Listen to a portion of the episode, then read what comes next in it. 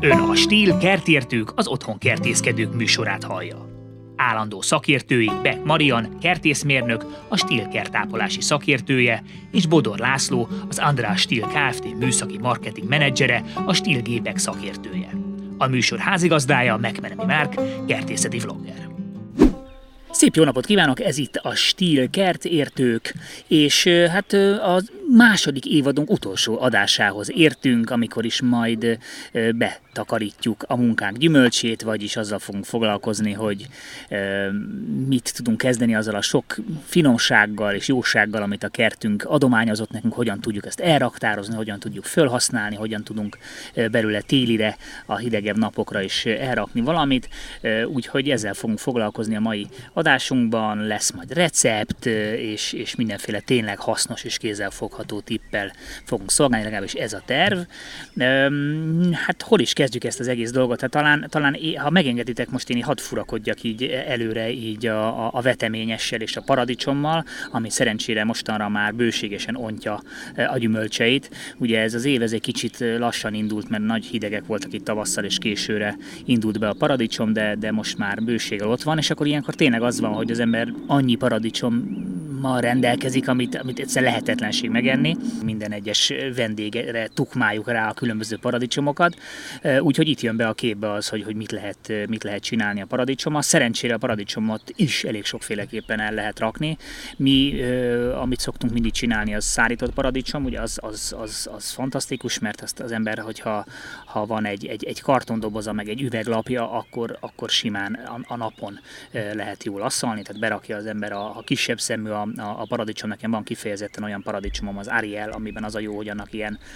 hát olyan bőre van, ami átengedi a nedvességet, tehát nem kell kettévágni, semmit nem kell csinálni, csak úgy, ahogy van a, a, fürtöt berakni egy, egy, egy kartondobozba, rá egy, egy üveglap, és akkor egy-két nap alatt gyönyörű szépen megaszalódik, de némelyiket ketté kell vágni, és akkor utána viszont számtalan módon el lehet tenni úgy, szárazon, be lehet tenni olívaolajba, tehát tényleg annyira, annyira finom dolgokat lehet később csinálni, hogy ez az jó kis szárított paradicsom, teljesen más íze is van, nem véletlenül szereti az olasz konyha, konyha annyira, amivel meg kis kísérletezünk, ez, ez, ez még nem próbáltam, de, de idén, idén megpróbáljuk, az pedig a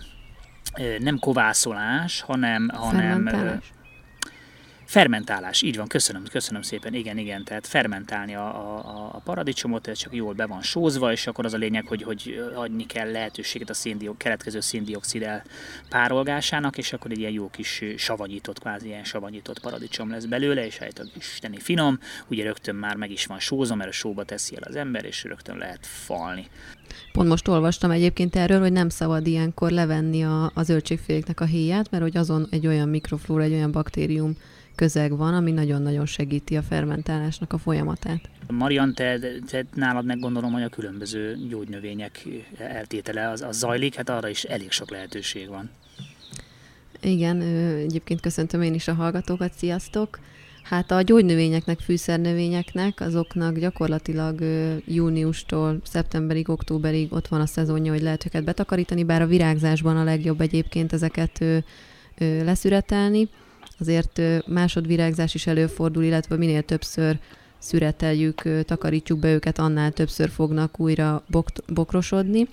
Akár egyébként, hogyha egy levendulára gondolunk, egyre több helyen van, nem véletlenül, hiszen mind a, mind a hibrid levendula, a lavandula intermédia, mint pedig a, az orvosinak vagy francia levendulának nevezzük magyarul a lavandula angustifólia is nagyon-nagyon jól érzi magát Magyarországon, főleg, főleg ezeken a száraz, asszályos nyarakon, ezeken egy igazi Jolly Joker a kertben. Egyre nagyobb létjogosultsága van, és ilyen szempontból sajnos. Így van, egyedül az ültetés után, egyébként az őszi ültetést javaslom én a levendulánál, a, ott az, e, azon az néhány héten fontos, hogy öntözzük a töveket, bár azért ilyenkor pont általában jönnek a jó kis őszi esőzések is. A legtöbbször erre sincsen szükségünk és egyébként pedig ugye beéri a természetes csapadékkal, mert hogy jó mélyre hatolnak a gyökerei, meg olyan az egész felépítése is a növénynek. Sőt, egyébként azt mondják néhány, néhányan, akik nagy levendula termeszték, hogy minél ö, sanyarúbb körülmények között van tartva a levendula, annál értékesebb és annál ö, jobb összetételű illóolajat fog adni. Ö, itt, itt, itt egyébként a Lacit be is vonnám a beszélgetésbe, mert nagyon sok ö, nagyobb termesztőnél, de akár egyébként, hogyha van otthon ugye egy, egy jó sövényvágó, akkor a levendulánál, a betakarításnál az nagyon jól jöhet. Én azt szoktam mondani,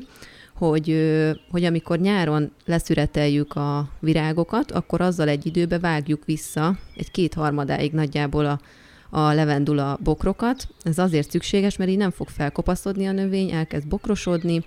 és még egy másodvirágzást is elérhetünk vele, és egyébként, amikor ez a másodvirágzás bekövetkezik, szeptember környékén várhatjuk ezt, akkor ugyancsak a kétharmadáig érdemes a levendulát visszametszeni, és erre nagyon-nagyon jól jönnek a kis akkumulátoros sövénynyírók bocsánat, miért a Laci ebbe a, be, belevág az akkumulátoros sövényírókba. Engem az érdekelne, hogy mi a legkésőbbi időpont, amit javasolnál erre a, a másod visszametszésre, mert én már jártam úgy rosszul, hogy, hogy, hogy porul, hogy ezt viszonylag későn csináltam, és kifagyott a levendula. Igen, azért, azért mondtam, hogy olyan szeptember vége, még esetleg október eleje, de már, már novemberben álljunk neki, uh-huh. akkor inkább várjuk meg vele a, a tavaszt, hogyha el, elcsúsztunk ezzel pont emiatt. Egyébként azért elég jó a levendulának a, a fagyálósága, de, de abban nem szabad igen abba a hibába beleesni, hogy mondjuk novemberben, amikor már vannak éjszakai fagyok, akkor állunk neki a metszésének. Laci, tiéd a poron, szóval mivel születeljünk? Sok szeretettel köszöntök én is mindenkit, sziasztok! Hát leginkább valóban a sövényíró, bár a nev alapján ugye mindenki arra gondol, hogy ez a szerkezet leginkább csak a sövény, vagy hát általunk buxusnak nevezett ö, ö, növények megnyírására alkalmas, számtalan más feladatra is szokták őket használni. Ugye túljákat természetesen, és később ö, derült ki, illetve hát a találékony ö, magyar ember ugye mindig megpróbál valami olyan ö, géppel megkönnyíteni egy munkafolyamatot, ami mind az időben, mind pedig energiában segít neki, és egyre inkább elterjedt az, hogy például a levendulát az sövénynyíróval is szokták szüretelni, nem csak a normál, általunk sövénynyírónak nevezett közép- meg hátsó fogantyús, hanem a sövényvágóval is, tehát amivel mondjuk magas sövényeket szoktak vágni, ennek a feje ugye 0 és 145 fok között forgatható fejű egy ilyen száros gépet kell elképzelnünk, ennek a szögnek a beállításával mélyebbre be is lehet nyúlni a levendula között, tehát akinek esetleg ilyen szélesebb ültetvényei vannak, tehát nem ez a általánosságban 60-70 centi, hanem mélyebbre nyúlik be, vagy ugye két oldalas művelést végez, akkor ezzel is ö, könnyűszerrel a föld fölött tud dolgozni, illetve hát ö, amit még alkalmaznak ezeken a gépeken, van egy úgynevezett nyesedékgyűjtő lemez, ez elvileg arra lett kitalálva, hogyha valaki sövényt nyír, és ilyen apró levelű ö, sövényeket vág, akkor ez ö, a levágott részeket megtartotta, nem esett be a sövénynek a a szárai ágai közé, és ott nem sárgult el, tehát nem kellett utólagot kézzel kipiszkálgatni, meg kirázogatni, hanem ezt a nyesedéket el lehetett gyűjteni, és a földre szórni. Na hát egy levendula esetén, hogy egy ember már ha betakarít vele, akkor nem a földre szórja, hanem ö, céltudatosan, célirányosan tudja ezeket gyűjteni. Másik ugye, amit meg főként ajánlunk, azok a akkumulátoros gépek, amik szintén, mint mindig, előtérbe toljuk, mind azért, mert kényelmes, tehát a madzagot se kell húzogatni, és hát nem is annyira azért, mert hogy a levendulát olyan borzasztóan zavarja a zajhatás, hanem inkább a, a környezettudatos művelés esetén, amikor mondjuk füstgázzal nem akarjuk ott szennyezni a környezetünket, akkor mindenképpen egy nagyon jó alternatíva. Ráadásul ezek a sövényvágok nagyon kevés energiát fogyasztanak. Tehát akár egy közepes, nem kell hozzá a nagy teljesítményű akkumulátor, akár egy kis, egy közepes teljesítményű akkumulátorral is igen hosszú működési időt tudunk elérni. Hát arról nem beszélve, hogy mondjuk ha tényleg egy olyan ö, ö, helyen van az ültetvényünk, amely szép nagy hely, és mondjuk nem benzinest használnánk, hanem vezetékes, tehát akkor az ott lehetetlen lenne megoldani, tehát akkor nem húzingálhatná a vezetéket. Tehát ez nagyon, nagyon kényelmes, és súlyban is gondolom, hogy azért ezek könnyebbek, mint a, a benzinesek, tehát azért az sem mellékes szempont hogy ne jóval könnyebbek és ö, sokkal könnyebben használhatóak. De mit lehet kezdeni azzal a, a betakarított levendulával? Tehát én annyit szoktam csinálni, hogy akkor így begyűjtöm, és akkor így összekötözöm, és nem tudom, föl, fölakaszgatom a szekrénybe a, a molyok ellen, de hát gondolom, hogy ennél azért sokkal több mindenre alkalmas. Igen, egyébként nem csak a levendulánál, hanem gyakorlatilag az összes gyógynövénynél, fűszernövénynél, az gyógynövénynél, fűszernövénynél az egy jó megoldás, amit te mondtál, hogy csokrokba, ugye, hogy szárad majd a növény, veszít a nedvesség tartalmából, egy kicsit ö, ö, kisebb lesz a csokor, mire azt leszedjük a helyéről, és ö, fontos, hogy ö, naptól védett helyen, szellős helyen, meleg helyen szárítsuk a gyógyfőszernövényeket, illetve, hogyha kisebb mennyiségről van szó, akkor az is egy megoldást nyújt, hogy tálcára kiterítve, egy olyan egy centis rétegben, tehát azért ne annyira fedjék egymást az egyes növényi részek, ott szárítjuk őket. Mi például tegnap előtt pont van egy cserében egy kis babérfánk, és, és arról metszettünk le egy kicsit, egy ilyen ifító metszést végeztem rajta, és és a kislányommal egy tálcára terítettük ki ezeket a babérleveleket. Egyébként mindenkinek ajánlom, mert köze nincs a, a bolti babérlevélhez, és, és még frissen is nagyon-nagyon finom. Egyébként a babérnak a,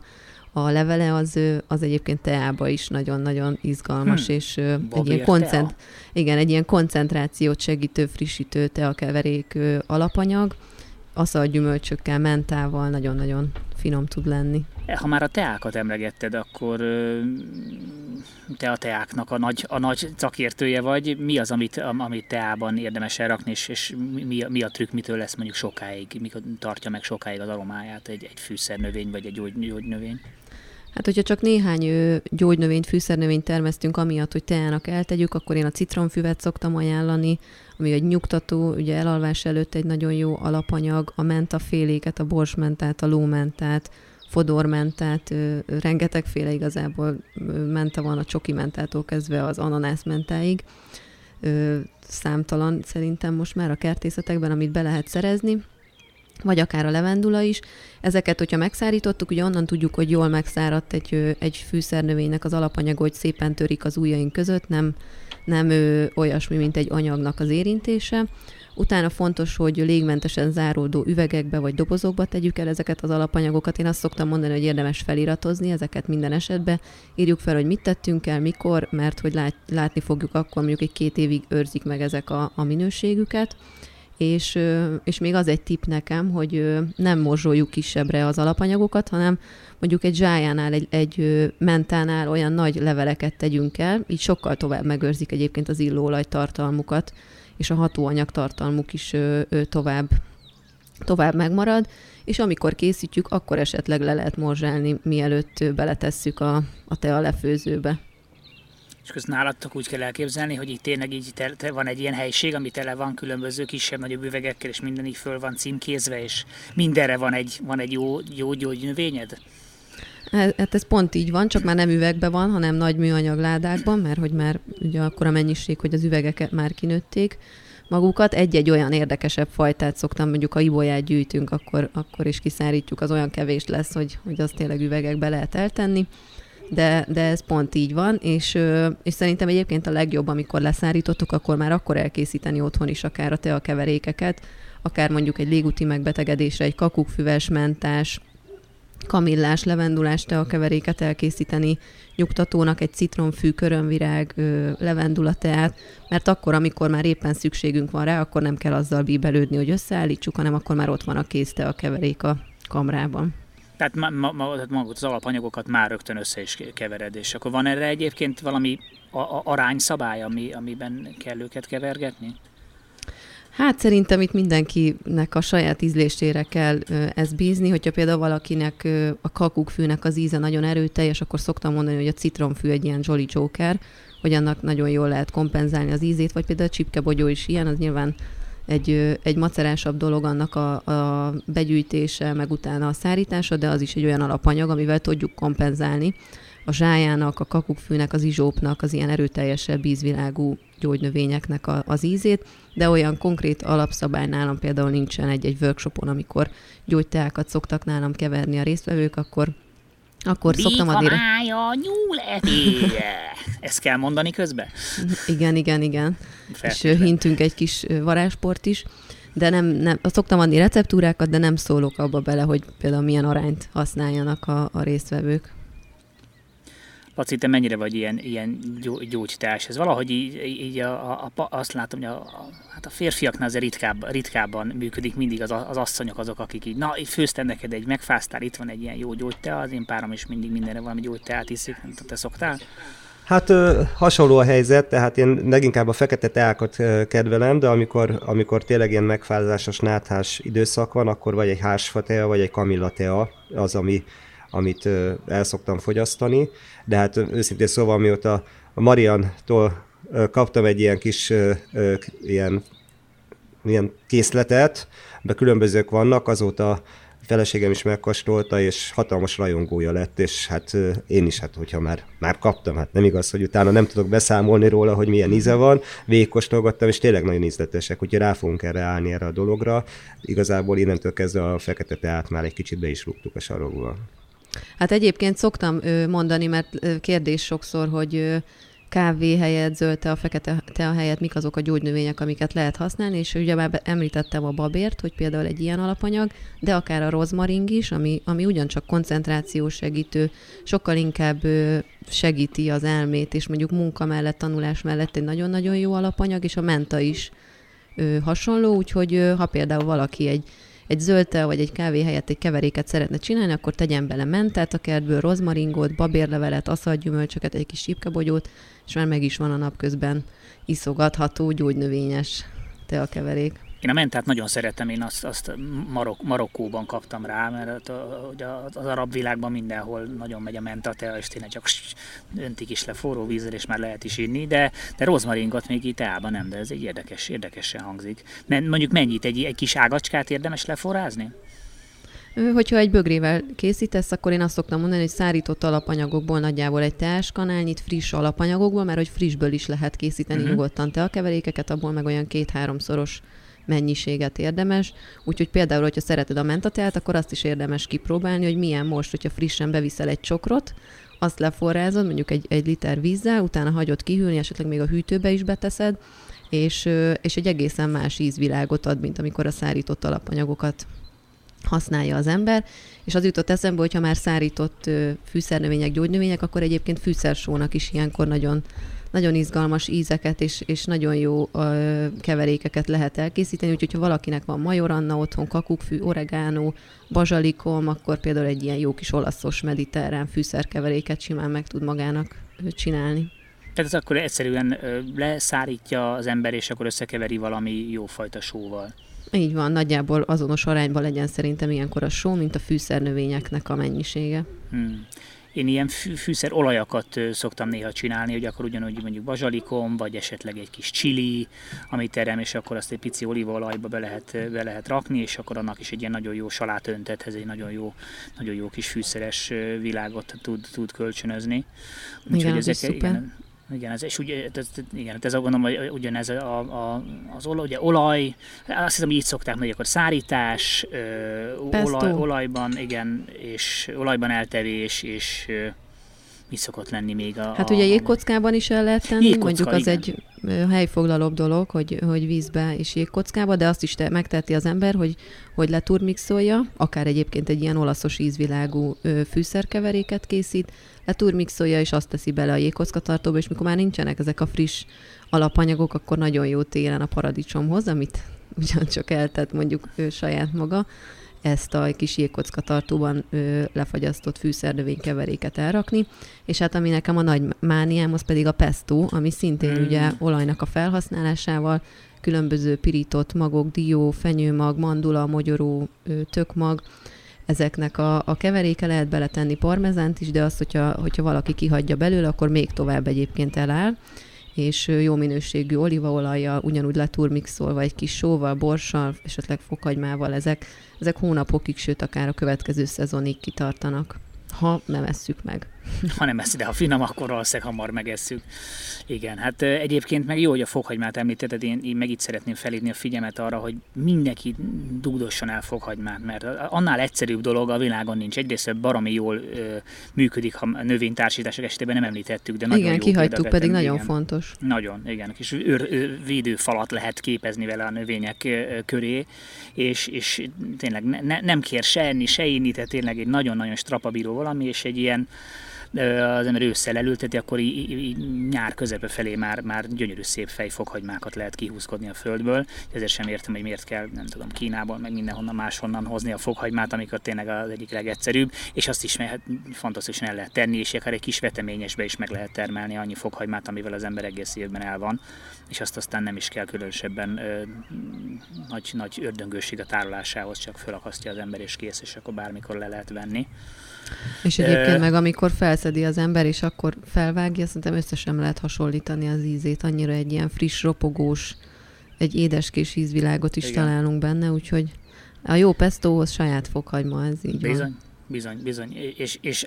az is benne van, hogy ezt az ember nagy valószínűséggel, hogyha van egy kis esze, akkor ezt vegyszermentesen termesztette, míg mondjuk a, amit a világ másik végéről hoztak, az nagy valószínűséggel nem, és az ilyen hagymások meg pont olyanok, hogy hát ugye a hagyma az gyűjti magába a, mi, mi, mindenfélét, ami a környezetében volt, tehát az nagy,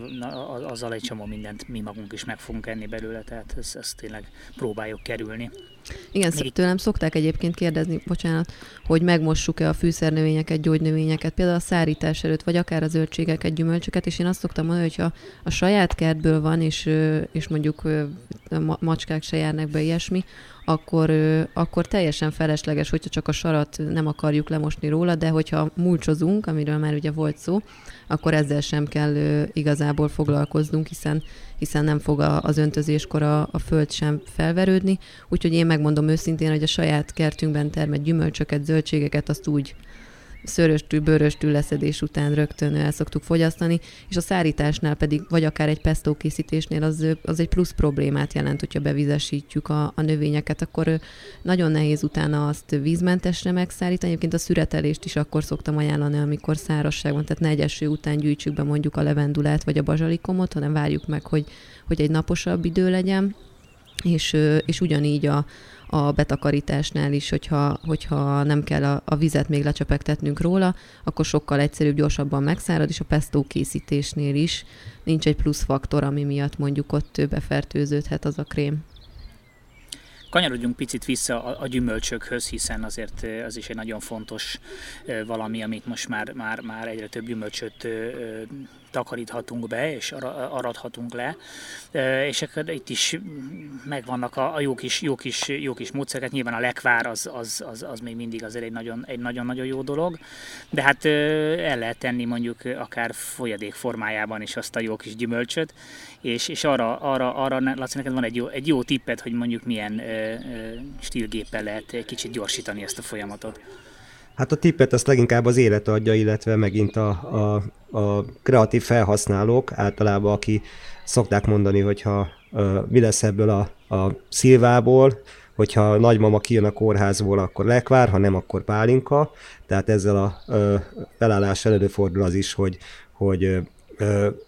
pálinkát készítünk otthoni felhasználásra, vagy esetleg még barátoknak is ajándékozunk, és hát vannak olyan gyümölcsök, amit azért egy, nem, nem árt egy kicsit megtörni, illetve felszecskázni előtte, ne egybe tegyük be, vagy hát ezt vagy kézzel mondjuk a barackot szétszok, vagy a szilvát szétszokták nyomkodni, de például a keményebb gyümölcsöknél, körténél, almánál, vagy éppen például a bírsnél, ami azért ilyen szempontból egy nagyon macerás növény, szokták az, használni a komposztálót, akár a legkisebb elektromos körkéses komposztálót, mert nagyon szépen föl lehet szeletelni ezeket a gyümölcsöket, egy ilyen kimosott tiszta komposztálótól semmi baja nem lesz, nyilván olyat használunk, amivel előtte nem a, a egyéb anyagokat írtottuk le,